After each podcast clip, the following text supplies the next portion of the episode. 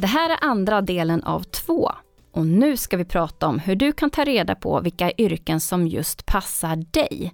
För i förra avsnittet så pratade vi om vilka yrken som det finns goda chanser till jobb för i framtiden och vad som kan vara smart investering i dig själv att utbilda dig till. Vi pratade också om vilka yrken som ligger i topp när det gäller utbildning på gymnasienivå och högskolenivå. Men hur kommer jag då fram vilket yrke som passar just mig? Elinor Wassberg är tillbaka och ska berätta mer.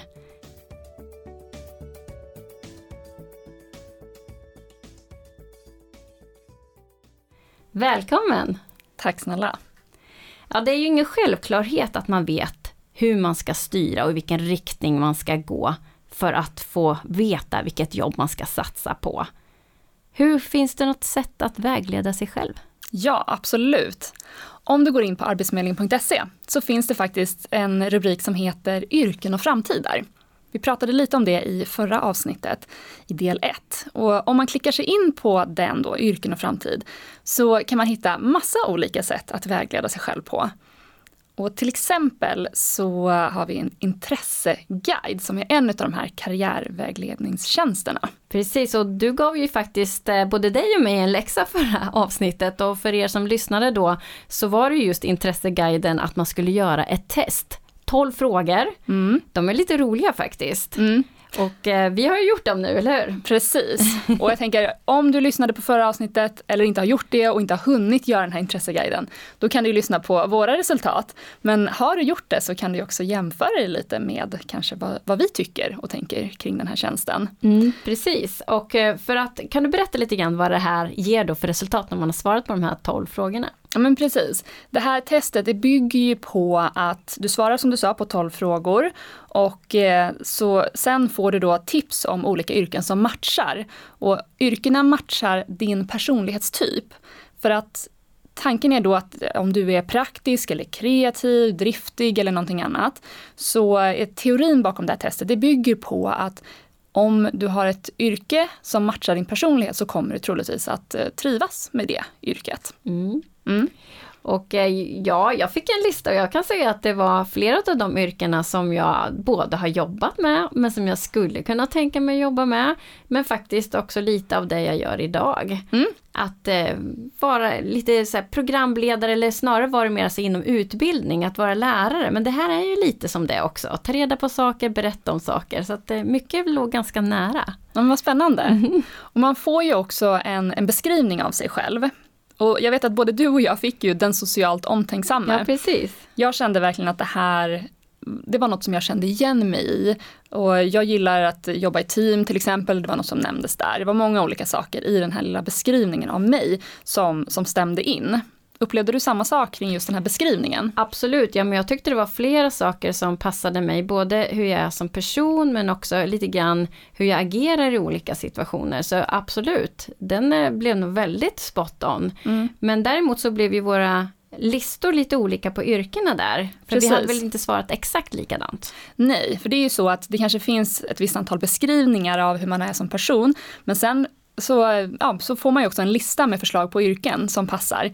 Och ehm, ja, där kan man kanske fundera på liksom, men är det här liksom eh, vadå ska jag jobba med alla de här sakerna? Och jag, jag tänkte lite när jag såg det här resultatet att vissa yrken eh, kände jag att de kanske inte var så intressanta för mig. Till exempel fick jag hudterapeut och jag ja, funderade lite och tänkte så här, nej men det är nog ingenting som jag vill jobba med. Men jag förstår varför jag fick förslaget. Mm. För jag kan förstå att ett sånt typ av yrke skulle kunna passa mig. Och det här tycker jag är intressant för att däremot då till exempel ja, men guide, hälsopedagog, fritidsledare, det var andra yrken som jag fick och de hade jag inte tänkt på tidigare som ett möjligt yrke för mig. Men när jag tog mig en funderare så bara, jo men det här skulle faktiskt kunna vara intressant. Eh, så att det var både sånt som jag kände att nej men det här passar inte mig och saker som jag kände att men det här var en ögonöppnare för mig. Mm.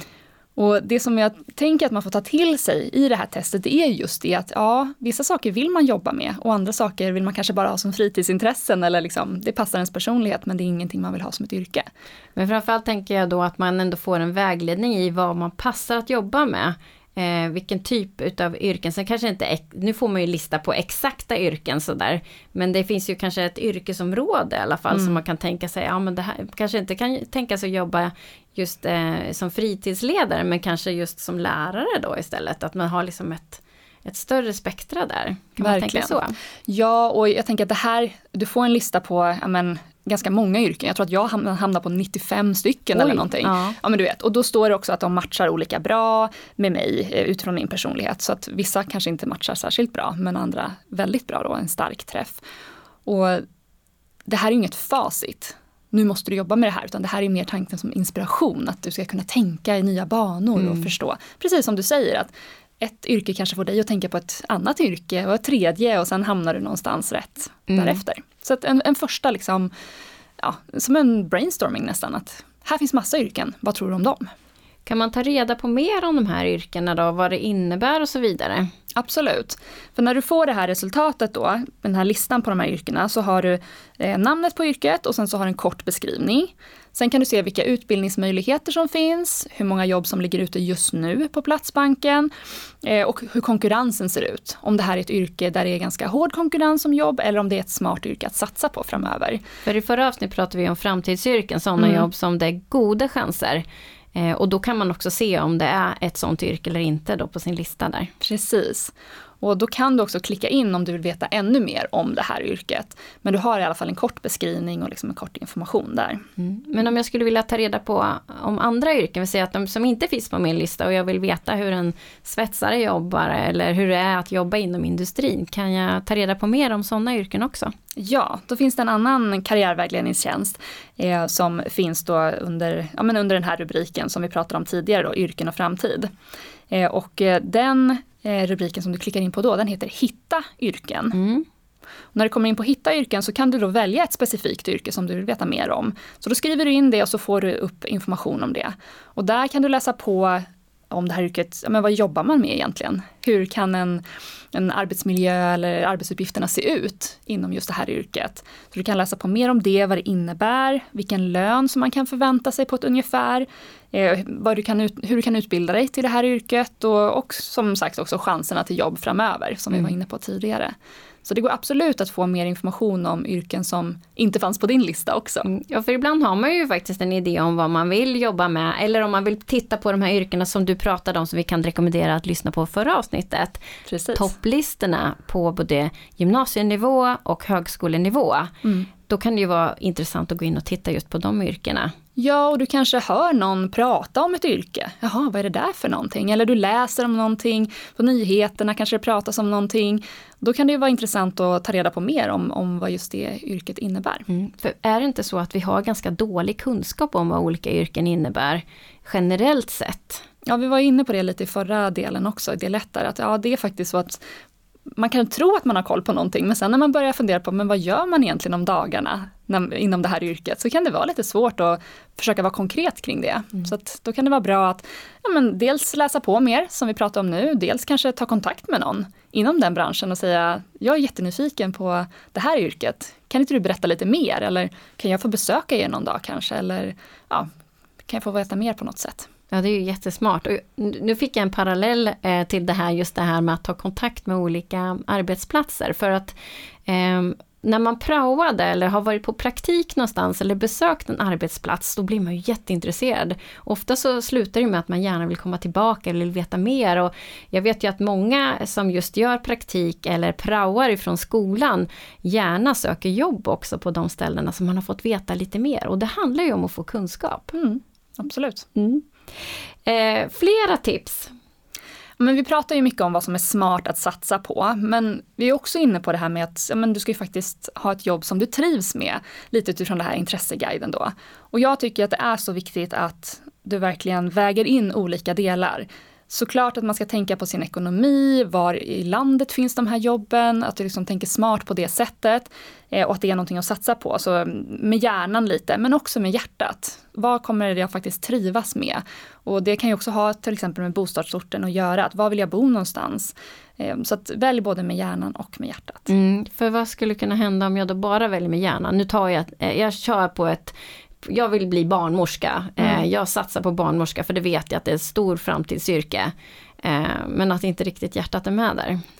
Ja, risken är väl det som, som många kanske är oroliga för när det gäller just att utbilda sig. Att ska jag satsa nu ett eller flera år på utbildning och sen så vill jag inte jobba med det. Mm. Att jag inte trivs, att jag inte mår bra i vardagen. För det är ju ändå så att vi jobbar ju ganska stor del av vår, vårt liv och eh, ja, men vår ar arbetsvecka är ju ja, men det, det är en, en, stor del av vårt liv helt enkelt. Och då mm. gäller det att man ändå har ett jobb som man tycker är givande eller roligt eller på något sätt liksom man trivs med. Mm. Så därför är hjärtat så otroligt viktigt att vara med Mm. hela vägen där. Och sen är det ju så som vi pratade om, bara för att du väljer någonting nu och satsar på det så är det inte så att du är fast för resten av livet utan mm. man kan alltid omskola sig eller hitta på något annat och komma in på ett bananskal på något annat typ av yrke. Liksom. Man vet aldrig vad, vad livet tar en. Mm. Så det behöver inte vara så seriöst men jag tror ändå att det är viktigt att väga in de här bitarna för att du ska känna att de gångerna när det kanske blir lite tuffare under utbildningen att men det här känns ändå rätt för mig. Mm. Och att man har då hjärtat med, att man känner att det här är någonting som jag faktiskt kommer att trivas med mm. och som jag vill jobba med. Ja. Men nu har du pratat om just både hjärta och hjärna, men så är det ju ändå så att det krävs ju en insats som du säger också med utbildning. Det kan ju ta några år. Mm. Um, hur ska man tänka där? För det är många som känner att det här kanske är ett stort steg att ta. Man kanske har haft ett långt yrkesliv bakom sig. Hur ska man tänka där tycker du? Absolut alltså vissa yrken kanske du är nyfiken på. Men det ligger kanske långt ifrån din nuvarande kompetens och då är det ju som du säger, det är en ganska stor insats. Ehm, och det är såklart viktigt att väga in, verkligen. Är du beredd på att lägga den tiden som krävs eller inte? Så att tänk igenom det, så att du väl när du satsar, då, då är du liksom säker på att det här ändå känns rätt.